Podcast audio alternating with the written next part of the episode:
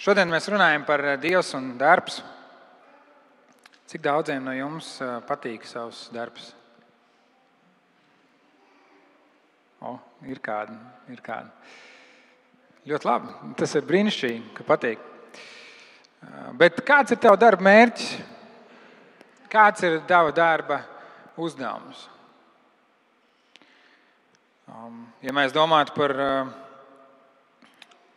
beigsim par biznesu, ja pēc Egīna mācās biznesa vadību, ne? uzņēmuma mērķis ir gūt peļņu.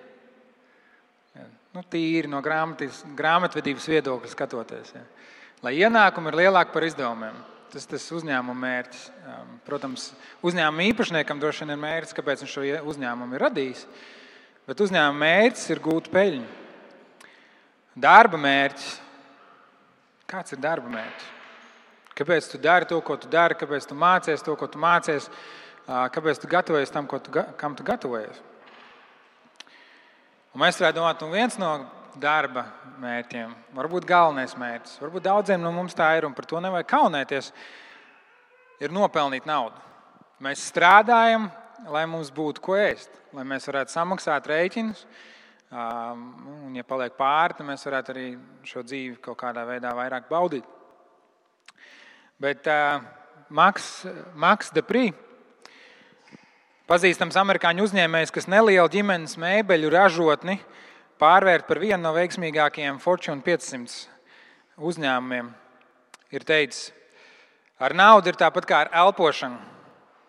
Tev ir jāelpo, lai tu dzīvotu, bet kurš gan gribētu dzīvot tikai tāpēc, lai elpotu? Ar naudu ir līdzīgi kā ar elpošanu. Tev ir jāelpo, lai tu varētu dzīvot.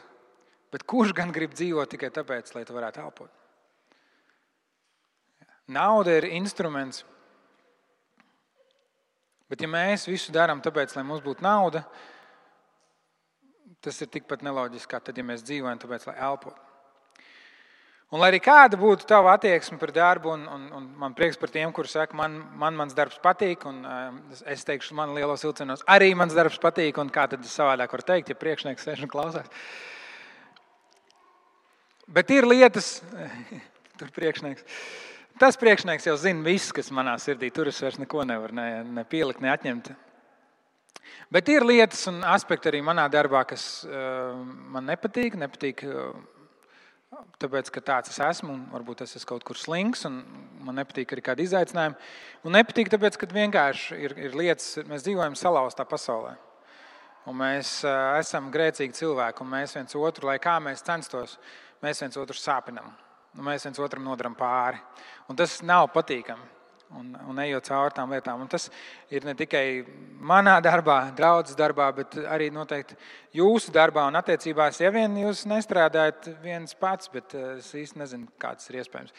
Eh, nu, parasti arī ir klienti vai kaut kam, kam tu to darbu dari un kāds, kas par to maksā. Līdz ar to ir kaut kāda um, sasaiste ar citiem cilvēkiem. Um, bet uh, bieži vien mēs par darbu domājam kā kā par kaut ko smagu, kā par kaut ko, kas ir kā lāsts. Nu, cik forši būtu, ja tāpēc nevelti ir pat restorāns, ja TGI Friday, paldies Dievam, piekdiena ir klāta. Ja. Mums ir šis, šis um, nu, jau tāds stigma ja, vai aizspriedums kaut kādā veidā, par to, ka piekdiena ir kaut kāda glābšanas diena, kur beidzot viss ir aiz muguras un, un nu, mums ir dzīve sākties. Var, ja? Un tad pirmdiena ir tā, tā elles diena, ja tas pirmdienas rīts, kur nu, mums tagad ir atkal jāķerās klāt tam smagajam. Nu, tā. es redzu, Andris Maida, un Andris viena no tiem, kur teica, man patīk mans darbs, bet es redzu, ka tu sajūti to, ko es saku. Ja? Un, eh, nu, tas um, savā ziņā nav nekas neparasts. Mēs uh, Bībelē lasām, uh, pirmajā mūža grāmatā, trešajā nodaļā, kur tad, kad cilvēks bija sacēlies pret Dievu un izvēlējies grēkot, un, un, un, un Dievs viņam saka, tāpēc, ka tu paklausīji savas sievas balsī un ēdi no koka, par ko es tev pavēlēju, nēd no tā, nolādēt, lai tevis dēļ zeme. Mokās tu no tās ēdīsi visas dienas, kamēr dzīvosi. Tev sadīgs no tās ērkšķi un daži, un tu ēdīsi laukas tādus. Savu vaigas sviedros tu ēdīsi maizi līdz tu atgriezīsies zemē, no kuras tu esi ņemts, jo pīslis tu esi un pīšļos tu atgriezīsies. Mēs izlasām šo, mums saprotam, nu, tas darbs ir lāsts. Pirms tam bija, kā mēs mēdzam teikt, haļava. Ja? Dzīvojām Dieva radītā pasaulē, viss paradīzes vai ēdienas dārzs bija mūsu priekšā. Tikai no viena koka mēs nedrīkstējām ēst. Vispārējais bija mūsējais. Viss, ko Dievs ir radījis, viss, ko Dievs ir darījis, viss tas ir labs, jo Dievs saka, tas ir labs.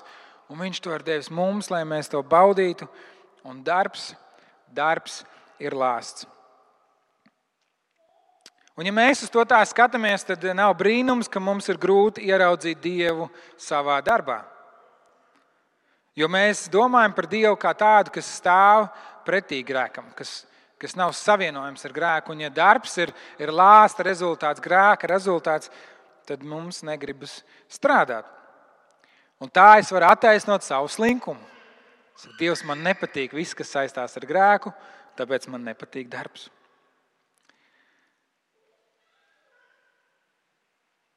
Un tad vēl tas, ka mēs eh, kā draugi kopā sanākam svētdienās. Nu, svētdiena ir tā dieva diena, tā, kas ir dota dievam. Un svētdiena, nu, lielākajai daļai cilvēku ir brīvdiena. Es zinu, ka ir maiņu darbs, un mēs dzīvojam pasaulē, kur, kur varbūt tas 8 eh, stundu darbdiena vispār izplūst, un mēs strādājam, kā mēs gribam.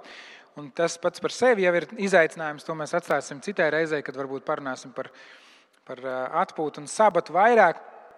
Bet tā svētdiena ir nu, pāršā tā diena, kad mums ir brīva, kad mēs atpūšamies. Tā ir tā diena, kad mēs domājam par, par Dievu. Un, līdz ar to Dievs mums vairāk saistīts ar brīvdienām un ar atpūtu, un mazāk ar Dievu. Un, un savā ziņā tā ir, tā ir patiesība.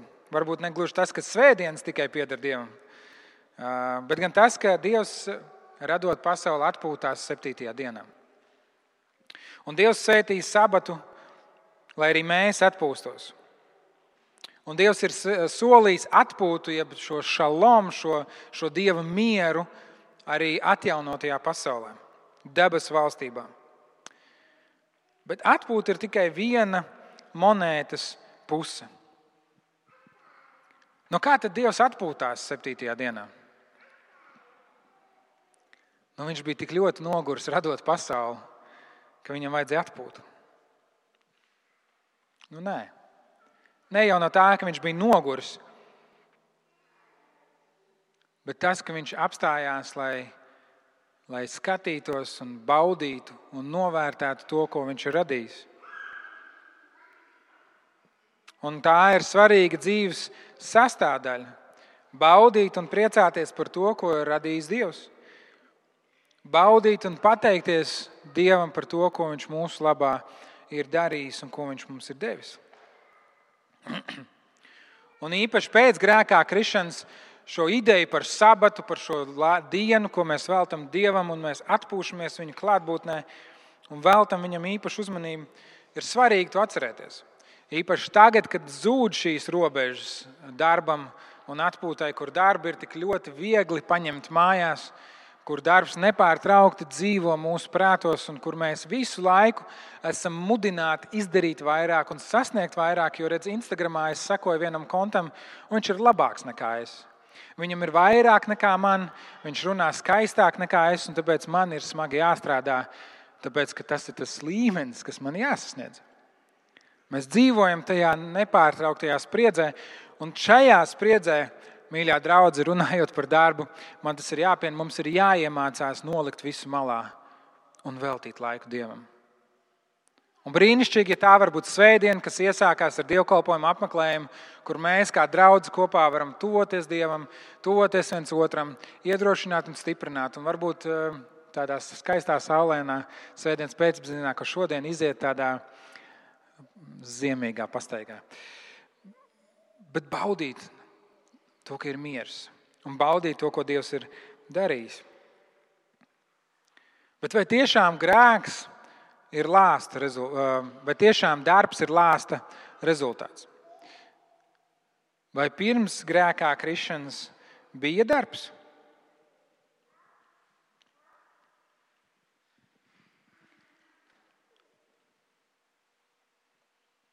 Vai debesu valstībā, kad mēs atkal nonāksim Dieva klātbūtnē, mums būs jāstrādā? Un dažiem no tās domas vien jau liekas, pagaidi, pagaidi, pagaidi. Debesīs, ēdienas dārzā, pilnīgajā pasaulē, kur Dievs rada, kur viss būs perfekts un pilnīgs, man būs jāstrādā. Kas tā pa paradīzi, kur ir darbs? Bet atpūta bija tikai viena septītā daļa no tā, ko Dievs darīja, radot pasauli. Iepriekšējās sešas dienas Dievs strādāja. Vai Dievam pasaules radīšana tas bija grūts un netīkams pienākums, ar ko viņš sakos tiem zobiem, tad nu, tāpēc, ka vajag, tāpēc viņš to dara. Raksta mums atklāja, ka nē. Pēc katras no dienām, kad Dievs kaut ko bija radījis, viņš priecājās par paveikto un viņš teica, tas ir labs. Viņš kaut ko darīja, un viņš teica, tas ir labs. Un arī cilvēkam bija darbs, jeb uzdevums pirms grēkā krišanas. Kad Dievs radīja cilvēku, viņš viņu svētīja un teica, augļojieties un vairojieties. Piepildiet zemi un pakļaujiet to. Valdiet pār zivīm jūrā un putniem debesīs, pār visu, kas dzīvs un rāpo pa zemi. Un Dievs teica, redzi, es jums dodu visādus stādus, kas briedina sēklu, kas ir uz visas zemes, un visus kokus, kur augļi briedina sēklu, tie ir jūsu ēdamais. Tad Dievs cilvēkiem deva darbu vēl pirms grēkā krišanas. Augļojieties un vairojieties. Un te Tāda vecuma bērna nav. Es varu teikt, nu, tā augļošanās un vairošanās cilvēkiem, kas tas par darbu? Ja? Nu, tā jau bauda vien, burtiski. Bet pakļaujiet zemi, rūpējieties par to. Jā, Dievs dod augļus, un Dievs dod kokus, no kuriem cilvēkam būs ēst, bet ej un ievāc ražu. Ej un gādā par to, ko Dievs ir radījis. Viss, ko Dievs radīja, bija labs. Tā tad arī darbs, ko Dievs uzdeva cilvēkam, bija labs. Iedomājieties, ka cilvēks var strādāt, un tas ir kaut kas brīnišķīgs. Bet padomājiet par to. Cik ilgi tu esi spējīgs neko nedarīt? Cits ilgāk, cits mazāk, bet cik ilgi? dienu, divas, nedēļu, mēnesi. Nu, neko, neko nedarīt. Vienmēr gribas kaut ko izdarīt. Protams, arī vajag, bet vienmēr gribas kaut ko izdarīt. Gribas kaut ko uzrakstīt, gribas kaut ko uztaisīt, gribas kaut ko iestādīt un aplaistīt. Gribas kaut ko darīt, gribas kaut ko uzšūt vai uztamborēt. Nedats.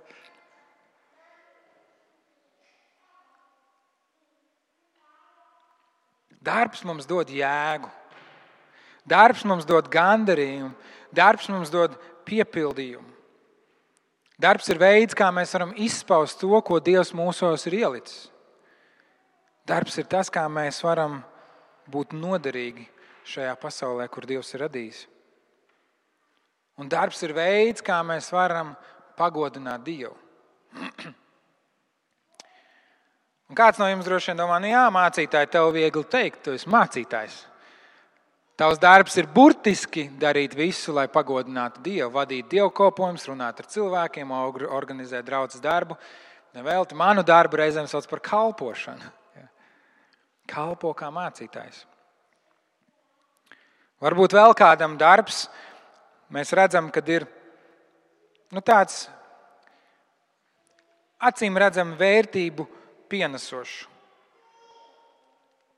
Nu, piemēram, kāds sociālais darbs, darbs ar nelabvēlīgām ģimenēm, riska cilvēkiem, bezpajumtniekiem. Nu, tāds, kuru mēs redzam, nu, jā, nu, tas, tas ir vērtīgs. Darbs skolotājiem, darbs mediķiem, darbs juristiem un policistiem, kas cīnās par taisnīgumu.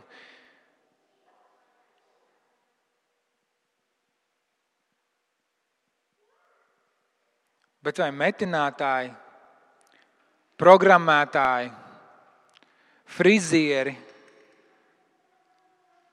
un citas profesijas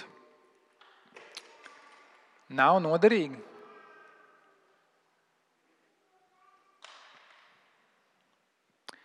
Otrajā mūzes grāmatā, 31. nodaļā, kad Dievs pavēlēja savai tautai ar mūzu celt templi, sajiešanas telti, tad pārvietojums templis. Viņš teica, redz, es izvēlējos Becelēlu, Ūrī dēlu, Hūra dēlu no Jūdas cilts, un es piepildīju viņu ar dieva garu. Padomājiet, piepildīju viņu ar dieva garu. Nu, mēs domājam, ko dieva gars dara. Nu, viņš viņš piepilda mācītāju, kad viņš runā, viņš piepilda muzeķus, kad viņš slavē, varbūt viņš piepilda kādu misionāru vai evaņģēlistu. Bet šeit, saka, es piepildīju Becelēlu ar dieva garu, ar gudrību un saprātu, ar atziņu un visādām mākām, uz ko? Izgudrot lietas, tātad zinātnē, darināt tās zeltā, sudrabā un varā, jā, tad zeltkaļi, rotkaļi, apstrādāt akmeni, likt to ietverā, apstrādāt koku, tātad akmeņkaļi, galdnieki un veikt jebkuru amatu. Dieva gars dod cilvēkam spēju, gudrību dažādiem ļoti praktiskiem amatiem. Te nav runa par priesteriem, kur veic savu priesterisko pienākumu un Dieva gars viņus piepildīja. Te ir runa par cilvēkiem, kurš strādā ar savām rokām. Un viņš saka, ikvienam sirds gudrajam es esmu devis gudrību sirdī. Mums liekas, nu jā, tie ir tie profesori un atkal kādi, kas nu, tādi, nezinu, soci, sociālo zinātņu cilvēki. Bet nē, tur, un, un tie uztaisīs visu, ko es tev esmu pavēlējis. Tie ir profesionāļi, kuriem Dievs deva spējas un talants ļoti praktiskos un noderīgos amatos. Un tad mums liekas, nu jā, bet tā notiek tikai tad, kad tu kaut ko dari priekš dieva. Nu šeit cilvēki cēla telti, sajiešanas telti, templi. Nu tad, ja es varu baznīcai kaut ko uzprogrammēt, ja, vai, vai mājaslapu, vai, vai vēl kaut ko, tad, tad man ir noderīgs tas mans amats. Bet tā citādi tas ir tikai maizes darbs.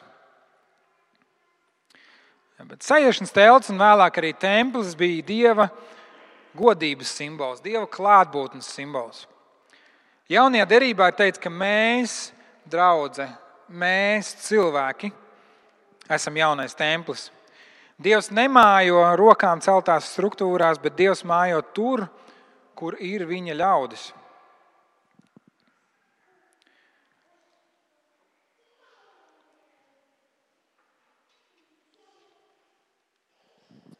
Un ir kāds teiciens, kā atšķirt parastu kurpnieku no kristīga kurpnieka. Nu, kā kristīgs kurpnieks uz kurpēm iegrievēs krustiņas? Ir tāds teiciens, ka kurpnieks pagodina Dievu nevis ar to, ka uz visiem apaviem iegravē krustiņu, bet gan ar to, ka izgatavo labākos iespējamos apavus. Vēstule kolosiešiem, 3. nodaļa, 23. pants. Visu, ko jūs darāt, to dariet no sirds. Ne kā cilvēkiem, bet kā kungam. Zinādam, ka jūs saņemsiet no kunga savu mantojumu daļu. Jūs esat kunga Kristus kalpi. Un te nav runa par to, ka mums ir jāuztais labāki apavi nekā taisa budisti, musulmaņi un pagāni. Te ir runa par to, ka mēs taisām labākos iespējamos apavus, ko mēs mākam uztaisīt. Dievam ir svarīgs tas darbs, ko tu dari. Un Dievam tas ir svarīgs, tāpēc ka Dievam tu esi svarīgs. Un caur to, ko tu dari, un pat ja tā uz pirmo aci neliekas, ka tas tā ir, tu varbūt uzdod jautājumu, jā, bet ko tad mans darbs tādu nozīmīgu dara. caur to, ko tu dari, varētu teikt, caur to, kā tu to dari, Dievs tiek pagodināts.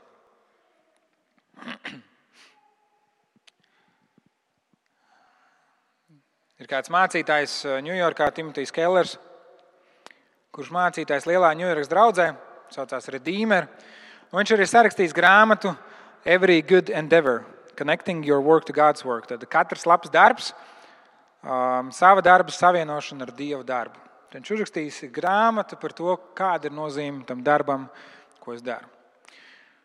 Un viņam reiz kādā tikšanās reizē pajautāja, lai pāris vārdos paskaidro, par ko ir šī grāmata. Un tāpēc viņš uzrakstīja un nopublicēja īsu esēju par četriem veidiem, kā ticība ietekmē un veido mūsu darbu. Un tas, ko es tālāk runāšu, tas ir adaptēts no šīs Timoteja Kellera esejas. Pirmkārt, kristīgā ticība sniedz mums morālu kompasu. Tas ir mūsu iekšējais GPS, navigācijas sistēma, kas sniedz mums ētiskus norādījumus un kas sniedzas pāri, kas iet augstāk un tālāk par juridiskiem aspektiem vai prasībām, jebkurā situācijā. Un tepat nav runa par to, vai es to drīkstu darīt, vai es to nedrīkstu darīt, vai man to vajadzētu, nevajadzētu, bet ko Dievs grib, lai es daru. Tas ir jautājums, kurš mums ir jāmācās uzdot. Ja mēs gribam, lai Dievs pārņem un mājo tajā, kā mēs darām savu darbu. Un mēs daudz laika pavadām darbā. Ja mēs gribam piedzīvot to, ka Dievs ir klātesošs, tas ir jautājums, kas mums jāmācās uzdot. Dievs, ko tu gribi, lai es daru? Nu, ir skaidrs, ka ir kaut kāda pienākuma. Ja tu esi skolotājs, tad tev ir izglītības sistēma noteikusi, kas tev ir jāmācās, un tu to māci. Ja tu esi administrators, tu veic savus pienākumus, Ja tu esi programmētājs, tu programmē, ja tu esi galdnieks, tu veido mēbeles un tā tālāk un tā joprojām. Bet mēs savā darbā mācāmies uzdot jautājumu, Dievs, ko tu gribi, lai es šodien daru? Nevis tas, ka Dievs teiks, nu, zini, kā tev priekšnieks teica, uztaisīt galdu, bet man, man Dievs teica, uztaisīt skati. un tad priekšnieks zina, es nezinu, kāpēc, bet es te paņēmu to materiālu, uztaisīju skati. Nu, varbūt, jā, varbūt Dievs tā vada, un tur noteikti kaut kas pārdabisks bet taisot to galdu un runājot ar to priekšnieku. Kas ir tas, uz ko Dievs tevi vada? Un nav noslēpums, ka lielas finanšu institūcijas, korporācijas, politika un citi tā saucamie lielie spēlētāji. Nu, mēs katru dienu lasām ziņas un redzam, ka tur parādās dažādi virsraksti par kārtējiem skandāliem, ar korupciju, krāpšanos un citiem neētiskiem procesiem, pārkāpumiem. Un mums liekas, nu jā, tie ir tie, tie ļaunie, tie sliktie. Un, uh, politikā jau vispār, ja tas ir politiķis, tas ir lama vārds gandrīz vai ne? Bet patiesībā tās īpaši ir tās jomas, kur mums ir vajadzīgi dievbijīgi cilvēki, kur mīl Dievu, kur mīl cilvēku, kur ir gatavi pastāvēt par to, ko Dievs viņus ir aicinājis un iet un darīt lietas. Un es nedomāju, ka mums vajag cilvēkus, kuri partiju nosauc par kristīgo partiju, un šī ir partija uz kristīgām vērtībām.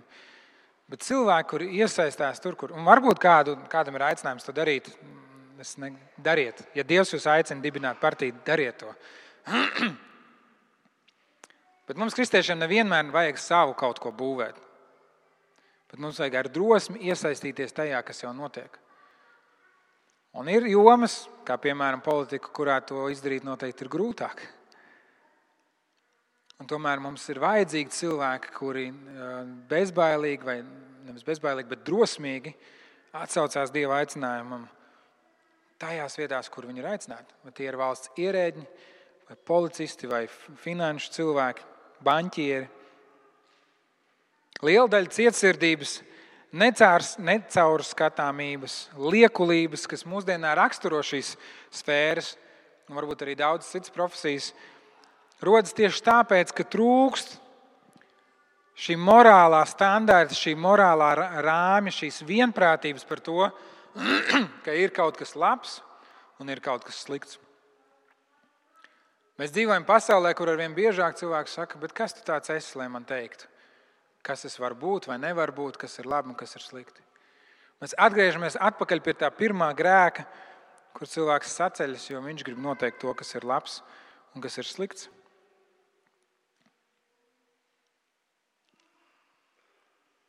Taču mūsu ticība dod mums šo morālo kompasu. Paļāvību uz Dievu, kur Dievs runā uz mūsu sirdi un saka, tas nav labi. Vai tas ir ļoti labi un to dari. Un reizēm tas nozīmē, ka mēs nostājamies savu priekšnieku priekšā un sakam, es to nevaru izdarīt. Un reizēm tas nozīmē, ka mēs krītam uz ceļiem Dievu priekšā un sakam, Dievs dod man citu veidu, kā to var izdarīt, lai tas pagodina tevi. Un kristiešiem, kas strādā šajās sfērās, ir jāievēro šīs stingrās vadlīnijas, kur viņi ar personīgu piemēru var risināt un ievest šo vērtību vakumu, kas pastāv. Šo vērtību, un tas prasa drosmi. Citiem vārdiem sakot, tad, kad mēs piedalāmies diskusijā par to, kas ir labs vai ļauns, mēs varam norādīt uz vadlīnijām, mēs varam norādīt uz kādu mērauklu un teikt, bet ir, ir objektīvi iespējams izsvērt to, kas ir labs un kas ir slikts. Un mēs varam norādīt uz to, ka, ja mēs katrs noteiksim, kas ir labs un kas ir slikts, mēs nekur nenonāksim. Mēs tikai un vienīgi karosim viens ar otru. Otrā lieta, uz ko norāda Timotejs Kellers, ir, ka mūsu ticība sniedz mums garīgu spēku. Iekšējo, tas vārds man nācās pagūglēt, kas ir žiroskops. Kāds zina, kas ir žiroskops? Ir Arthurs, zina. Jā, to arī ar apmēram zina. Jā, es to varētu vieglāk pārtulkt par līdzsvaru. Tā ir ierīce, kur, ja tu kustini ārēji dažādas detaļas, iekšējais paliek līdzsvarā. Ja, ja kāds no jums ir lietojis, filmējot tos modernos rīkus, ja tu viņu kustini un tā, un telefons paliek stabils, tad arī tur ir daļēji šī tehnoloģija, šis žiroskops. Ka vis kaut kādi leņķi var tikt paņemti un kustināti, bet tā iekšējā plakne paliek līdzsvarā. Un mūsu ticība Dievam dāvā mums šo līdzsvaru, kas neļauj mūsu veiksmēm sakāpt mums galvā, un mūsu neveiksmēm mūs iznīcināt. Mums ir Dieva dots svētais gars mūsos, kas mūs vada cauri tam. Evangelijas palīdz mums atrast savu dziļāko identitāti nevis savos sasniegumos, bet gan tajā, kas mēs esam Kristū. Tas neļauj mūsu ego pārlieku uzpūsties, tad, kad mums viss izdodas, Un tas novērš rūkumu un izmisumu, tad, kad mēs esam izgāzušies un kļūdījušies.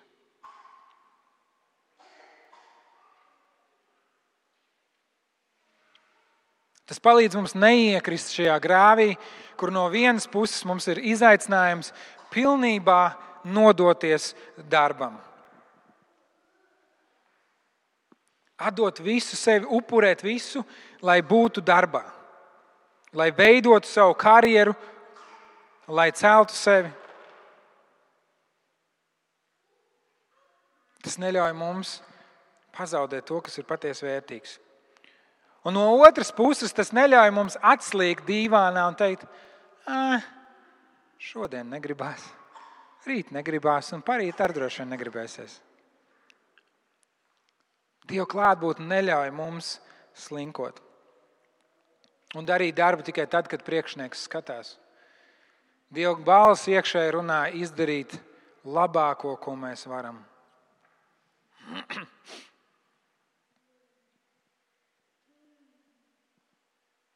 Bībele liek mums domāt par katru darbu kā par darbu, kuru mēs darām Dievam.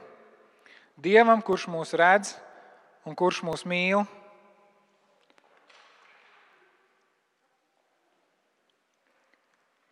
Un tas mums palīdz izturēt to spiedienu.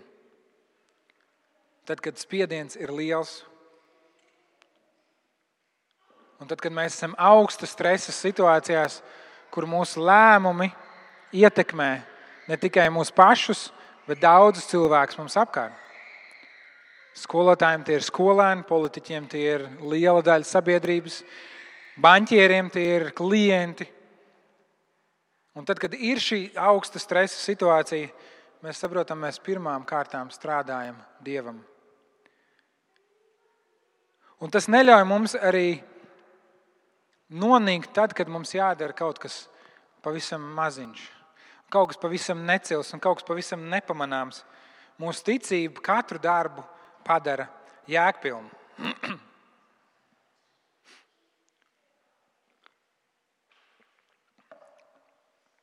Trešā lieta, ko Timotejs Kellers uzsver, ir, ka mūsu ticība dod mums jaunu skatījumu uz darbu kā līdzekli, kā instrumentu, ar kuru Dievs parāda savu mīlestību un savas rūpes par šo pasauli.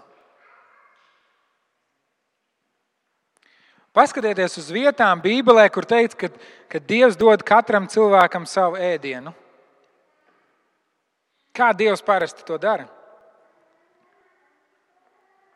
Vecajā derībā bija tas gadījums, kad tas nāca no debesīm, krita manna. Bet pārsvarā kā Dievs to dara? Caur citiem cilvēkiem, caur Dievu darbu. Arī mūsdienās no vienkāršākās lauku meitenes, kas slauc govis, vai lauku puiša, kas slauc govis, tagad ir piena, par daudz mēs par pienu sabiedrībā runājam par piena cenām. No zemnieka saimniecības, kas uztur govis un slauc tās, līdz krāvas automašīnas vadītājiem, kas ved produkciju tirgu, līdz uh, vairumtirgotājiem un vēlāk mazumtirgotājiem, līdz pārdevējiem, kas to pienu um, kas, kurš pieņem naudu par to pienu, vai līdz programmētājiem, kurš uzprogrammēja pašapkalpošanās kasi.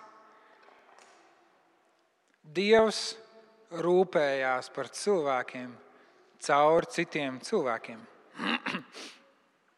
Un Dievs varētu mums pabarot tieši, bet Viņš izvēlas to darīt ar citu cilvēku darbu. Un te ir trīs svarīgas lietas, ko mēs par to varam iemācīties. Pirmkārt, ikvienam pat visniecīgākajam darbam ir liela cieņa. Padomājiet par to.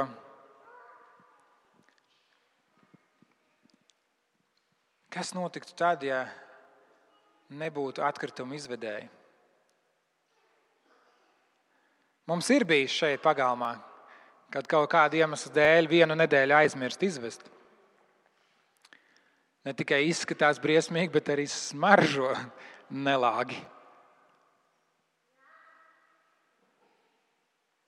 Padomājiet par to, ja nebūtu sētnieku un apkopēju, ja nebūtu cilvēku, kas dara daudz un dažādas lietas, kuras šķietam mēs nemaz neredzam un nepievēršam uzmanību. Arī draudzē mēs bieži vien pamanām, ka vīri tur aizmugurē ir tikai tad, kad kaut kas nenotiek tā, kā vajadzētu. Ja? Tad, kad uh, vārdi parādās ne tie vai mikrofons Cilvēki apgrie... apgriežās uz otru pusi un skatās, mm, kas tur ir. Bet tad, kad viss notiek tā, kā tam vajadzētu, mēs aizmirstam, ka tur ir uzticami cilvēki, kurus svētdienas rītā ceļās agrāk, izdara savu darbiņu, savu kalpošanu. Svētdienā paliek nedaudz ilgāk, lai to visu atkal sakārtotu. Nav tāda darba, kuram nav nozīmes. Ar savu darbu mēs esam Dieva rokas un pirksti, kas uztur un rūpējas par Dieva radīto pasauli. Otrā lieta, ko mēs no tā mācāmies, tas nozīmē, ka viens no galvenajiem veidiem, kā mūsu darbā iepriecināt Dievu, ir vienkārši to darīt pēc iespējas labāk. Nevis dzīvot tādā stresā un perfekcionismā, ka Dievs tagad nāks un nomērīs, zin, vai te viss ir pēc, pēc līmeņa. Bet, kad Dievs skatās, saka, vai tu dari to ar labāko sirdsapziņu, kalpojot cilvēkiem.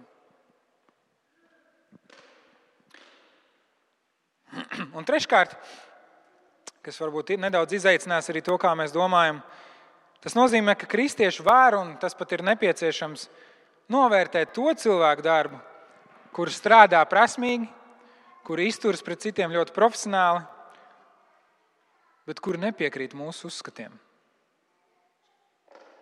Mēs varam un, vajag, un mums vajag sastrādāties ar cilvēkiem, kuri domā citādi. Un tad, visbeidzot, pēdējā, tad ceturtā lieta, ko Timotejs Kellers uzsver, ir tā, ka ticība sniedz mums jaunu pasaules skatījumu, jaunu skatījumu uz mūsu dzīvi un par to, kas veido mūsu darba būtību. Viss labi padarīts darbs, kas kalpo kopējiem cilvēku labumam, patīk Dievam. Un tad ja mēs runājam par to, kas tad ir kopējais labums. Ir daudz darba uzdevumu, kas neprasa mums pārāk daudz aizdomāties par šo jautājumu. Ja visiem cilvēkiem ir jāēd, tāpēc pārtiks, tāpēc pārtiks audzēšana un nodrošināšana labi kalpo cilvēkiem. Mēs saprotam, tas ir svarīgi. Bet kā ir ar pamatskolas skolotāju, ar dramaturgu vai finanšu konsultantu? Tas liek mums uzdot jautājumu, ja tu esi skolotājs, tad kas ir laba izglītība? Mēs runājam par izglītības reformu valstī, un jau vairāk būtu cilvēki, kas uzdot jautājumu, kas ir laba izglītība. Kas mums ir jāmāca bērniem? Kas mums viņiem jāiedod skolas vecumā, lai viņi būtu ne tikai derīgi sabiedrības locekļi, ne tikai gudri savā izpratnē, bet lai viņi spētu šo pasauli padarīt labāku un dot savu pienesumu. Ja, mēs, ja tu esi dramaturgs vai rakstnieks, kādi stāsti cilvēkiem ir vajadzīgi? Kādas teātris izrādes mums būtu jāveido, lai šo sabiedrību bagātinātu, nevis tikai notrulinātu? Ja tu esi darbojies finanšu sfērā vai bankā, kādi ir labi finanšu pārvaldības pamati? Ja tu strādā bankā, iespējams, tavs uzdevums ir pēc iespējas vairāk dabūt nu, bankās, telekomunikācijas uzņēmumos, valsts kaut kur. Tev ir vajadzīgs, lai cilvēki piesakās pakalpojumiem. Bet, ja tu strādā ar izpratni, tu vari būt godīgs pret klientu un teikt, šis ir tas, kas kalpos jums vislabāk, jūsu situācijā. Un jo vairāk tādu cilvēku būtu, jo labāka būtu šī sabiedrība.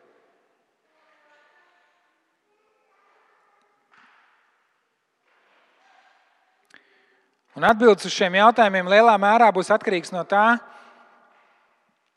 kas ir jūsu dzīves, kā jūs atbildēsiet saviem dzīves pamatjautājumiem. Kāds ir cilvēka dzīves mērķis, par ko ir šī dzīve un par to, kā izskatās laba dzīve. Mēs visi gribam dzīvot labi, bet ko nozīmē dzīves kvalitāte? Ko nozīmē dzīves kvalitāte? Vai vienkārši nav, vairāk naudas nozīmē labāku dzīvi? Vai vienkārši izglītība, kas manuprāt ir svarīga, bet vienkārši izglītība kā kognitīvs eh, vingrinājums, vai tā nodrošinās labāku dzīvi?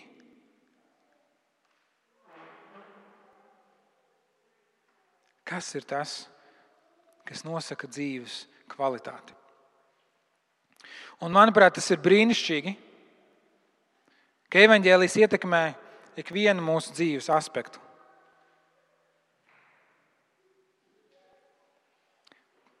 Tas ietekmē mūsu prātu, mūsu sirdi, mūsu gribu, mūsu jūtas.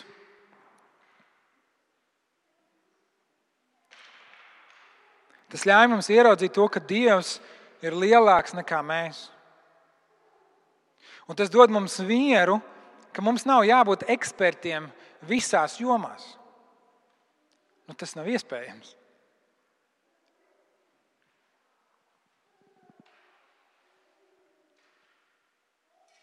Un mūsu ticība palīdz mums savu darbu uztvert ne tikai kā veidu, kā mēs nopelnām naudu, ne tikai kā veidu, kā mēs varam personīgi izaugt un sevi apliecināt, bet tas palīdz mums ieraudzīt mūsu darbu kā patiesu aicinājumu. Mīlēt Dievu un mīlēt savu tuvāko.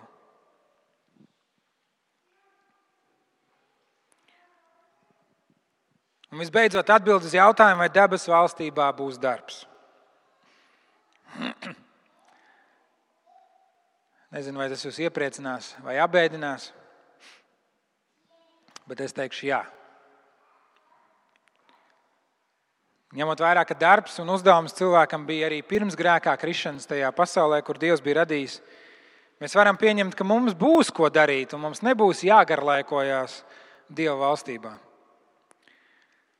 Atklāsmes grāmatas 22. nodaļas 3. pantā, kad runā par to jauno pasauli, jauno Dievu pilsētu, ir teikts, nekāda nolādējuma vairs nebūs. Tajā būs dieva, jā, dieva un jēra tronis, un viņa kalpi viņam kalpos. Mēs esam viņa kalpi, un mēs viņam kalposim. Mums būs kāds uzdevums, mēs kaut ko darīsim. Tikai tas nolādējums, tas lāsts, ar kuru tik bieži mēs asociējam darbu, tas tur nebūs. Nebūs nekas, kas darbu padara grūtu un nepatīkamu. Mums būs kāds uzdevums, bet tas nebūs darbs, lai mēs izdzīvotu, lai mēs iekļautos, lai mēs pierādītu. Tas būs darbs, kas izriet no no mūsu mīlestības pret Dievu. Un mēs dzīvojam laikā, kur šī Dieva valstība vēl nepilnībā, bet tā ir mūsu vidū. Un mēs dzīvojam laikā, kur mēs varam ar lūgšanu un ar paļāvību uz Dievu, ar svētā gara spēku piedzīvot to, ka mūsu darbs kļūst par instrumentu Dieva rokās. Darbs, kas pagodina Dievu, kas dod mums gandarījumu un piepildījumu. Un kāpēc tas ir svarīgi? Kāpēc ir svarīgi, ka mēs par to domājam, ka mēs uz to tiecamies? Kāpēc ir svarīgi, ka mēs lūdzam Dievu par savu darbu? Ir tāpēc, lai mēs pārstātu dzīvot šo duālo un reizēm pat vairāk slāņainu no dzīvi kur mēs mēģinām visus šos puzles kauliņus salikt kopā, vai, kā es pagājušajā svētdienā teicu, šīs, šīs bumbiņas žonglēt un nevienu nenomest. Mēs saprotam, ka mums ir ģimene, bērni, mums ir hobiji, mums ir darbs, un tad vēl ir mūsu ticība. Mēs to visu mētājam un ceram, neko nenomest un noturēt. Bet, kad mēs ieraugam to, kā Dievs darbojas mūsu darbā, tad samazinās ar vien vairāk samazinās tā starpība starp svētdienas dievkalpojumu un pirmdienas rītu, kad mums jādodas uz darbu. Arvien vairāk samazinās tā starpība starp piekdienas pēcpusdienu, kad mēs varam teikt, paldies Dievam, piekdiena ir klāta. Un pirmdienas rītu, kur mēs nolaistām galvām, ejam uz darbu, jo atkal darba nedēļa ir sākusies. Arvien vairāk Dievs palīdz mums ieraudzīt, ka pirmdienas, līdz, pirmdienas rīts līdz piekdienas pēcpusdienai, līdz svētdienai, visa mūsu dzīve, ik viena mūsu stunda un minūte ir kaut kas, kas Dievam ir svarīgs. Ir kaut kas, kurā Dievs mājo, kurā Dievs sevi atklāja. Un ļoti iespējams, pienāk brīdis, kur Dievs, kur tu arvien vairāk ieraugi Dievu un tu saproti, es vairs nevaru strādāt tur, kur es strādāju. Jo es redzu, ka, ka ir lietas, kas, kas degradē šo pasauli, un ir profesijas, kas degradē šo pasauli, un ir biznesa jomas, kas degradē šo pasauli, un kas nav dievam paprātam. Un kad tu piedzīvo to, ka Dievs tev atsauc, es vairs šeit nevaru strādāt. Un tādi gadījumi var būt. Bet mana lūkšana ir, ka mums ikvienam Dievs ar vien vairāk parāda to, ka tajā jomā, kur tu esi, tu ne tikai vari strādāt, bet tu vari kalpot Dievam. Tu vari pagodināt Dievu. Un tu vari piedzīvot, kā caur tavu roku augļiem, caur tava prāta augļiem. Dievs svētī šo pasauli un vada to atpakaļ pie sevis.